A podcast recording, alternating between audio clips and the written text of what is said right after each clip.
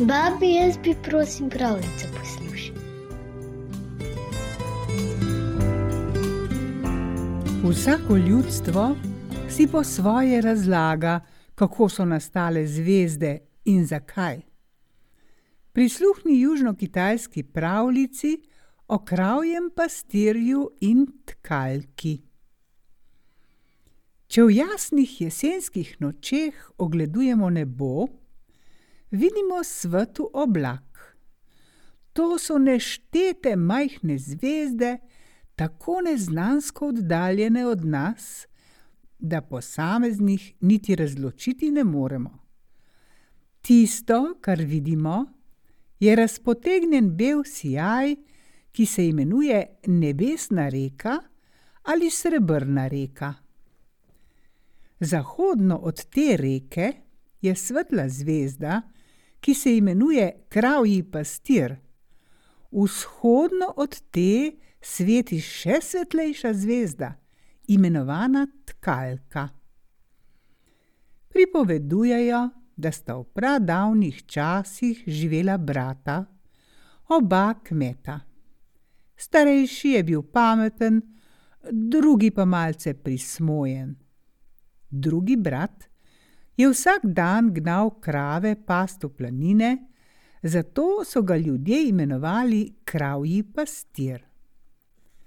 Pozneje se je prvi brat oženil. Ko je mlada žena opazila, da njen svak ni za drugo rabo kot za kravjega pastirja, je svetovala možu, naj si brata posestvo in drugo lastnino razdelita. Mož pa ni hotel, da bi se posestvo razdelilo, in se ni zmenil za ženino govorjenje. Tako je žena sklenila, da se bo svaka, kravjega pastirja, znebila.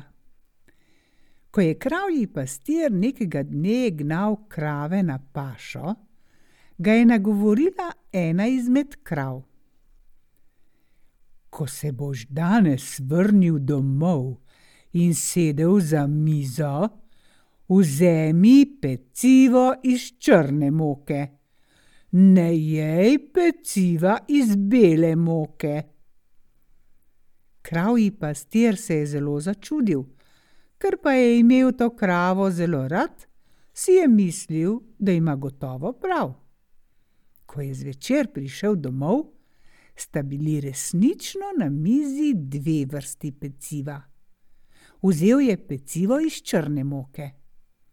Ko ga je svakinja vprašala, zakaj je vzel črno pecivo, ji je odgovoril, da se mu to zdi danes lepše in okusnejše. V resnici je svakinja zamesila strup v belo pecivo, ker se je hotela znebiti kravjega pastirja. Ker pa se ji načrt ni posrečil, je začela možu vsak dan opravljati brata. Izmišljala si je veliko slabega o njem, ter ustrajala, naj si z bratom posestvo razdelita. Mož ji je naposled obljubil, da se bo o zadevi pogovoril z bratom. Ko je ta dan kravji pastir ravno gnal krave na pašo, ga je stara krava spet nagovorila. Tvoj brat in njegova žena sta se dogovorila, da bosta razdelila posestvo s pripadajočo lastnino na dva deleža. Ne huduj se zaradi tega, tudi žalosten ne bodi, pač pa ga prosi, da mene dodeli tebi pomagala ti bom, da boš prebrodil vsako težavo. Ko se je kravji pastir zvečer vrnil domov, sta se brat in svakinja resnično začela pogovarjati z njim o razdelitvi posestva, pa sta ga vprašala, kaj želi imeti zase. Kravji pastir si je izprosil zase samo slamnato kočo, star voz in staro kravo. Potem se je usedel na voz in se odpeljal k stari koči. V slamnati koči je veselo živel s staro kravo, dokler mu nekega dne krava ni rekla: Kravji pastir, pojdi jutri zarana v planine k slapu. Pod slapom se bo kopalo sedem vil, na nekem kamnu pa bodo ležale njihove obleke. Vzemi skrivaj eno izmed oblek in jo skri na varnem kraju. To je vilinska obleka, brez katere se vila ne more vrniti v nebo. Potem jo poprosi, naj bo tvoja žena. Morala bo reči da. Naslednji dan se je mladenič zarana odpravil v planine k slapu in res tam videl sedem lepih deklet, ki so se kopale v kristalni vodi. Sedem oblek so lesketaje ležale na velikem kamnu blizu slapa. Splazil se je tja, ukradel eno izmed oblek, tekel z njo domov in jo varno skril. Vila, ki je bila zdaj brez obleke, je bila hči žadovega cesarja v nebesih. Bila je zelo pametna in je znala tkati lepe brokate in svile. Zato so jo imenovali tkalka. Revica se zdaj ni mogla vrniti v nebo, ker je bila brez vilinske obleke. Zato je morala ustreči želji mladega moža in postala je njegova žena. Živela sta srečno nekaj let in vila mu je rodila sina in hčer. Medtem se je stara krava zelo postarala in nekega dne je rekla kravjemu pastirju: Ko bom mrtva, moraš iz moje kože narediti čevlje.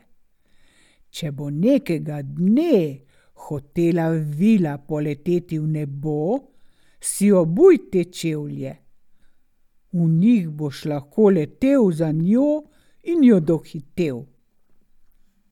Malo zatem je stara krava poginila in mladi pastir jo je žalosten odrl, kakor mu je naročila. Iz kože si je naredil čevlje in jih varno skril. Sčasoma se je tkalke polotilo veliko hrepenenje po nebu, in večkrat je dejala, da bi rada obiskala starše. Ko pa je kravjega pastirja prosila za svojo vilinsko obleko, ji je ni hotel dati. Nekega dne sta se otroka v hiši igrala skrivalnice in po naključju sta našla materino obleko. Ko je tkalka spoznala v njej svojo vilinsko obleko, jo je brž oblekla, otrokoma pa rekla: Vajna mati se bo vrnila v nebesa in že je stekla iz hiše. Tisti trenutek se je pastir vračal s polja domov. Ko je videl ženo, kako v svoji lesketajoči se obleki teče iz hiše, je takoj vedel, da se je namenila odleteti v nebesa in je stekel za njo. Ker pa sta otroka tako neutolažljivo jokala, se je vrnil, ju posadil v dve košari in si ju oprtal. Nenadoma se je spomnil na svoje čevlje. Poiskal jih je, si jih obul in stekel za vilo. V daljavi je videl, kako tkalka stoji na belem oblaku in plava proti nebesom. Tudi kravji pastir se je v svojih čevljih nenadoma dvignil z zemlje in poletel proti nebesom. samo še malo je manjkalo, pa bi jo dohitel. Tedaj pa so po vsem nebesnem prostoru nenadoma zadoneli čudoviti glasovi. Glas viline matere in glasovi mnogih drugih vil, ki so prišle k tkalkinemu sprejemu. Ko je žadova cesarica opazila, da je kravji pastir priletel za njeno hčerjo, je vzela iz las zlato puščico in potegnila z njo črto po nebesnem prostoru. Takoj je nastala na nebu široka nebeška reka, ki je ločila tkalko od kravjega pastirja, da je ni mogel več doseči. Ko je bila tkalka spet v nebesih, jo je včasih obšlo hrepenenje po možu in otrokih. Zato ji je žadov cesar dovolil, da se enkrat na leto dobila z možem in otrokoma, in to na sedmi dan v sedmem mesecu. Ta dan morajo na ukaz žadovega cesarja srake napraviti most čez nebesno reko, da se kravji pastir in tkalka lahko snideta.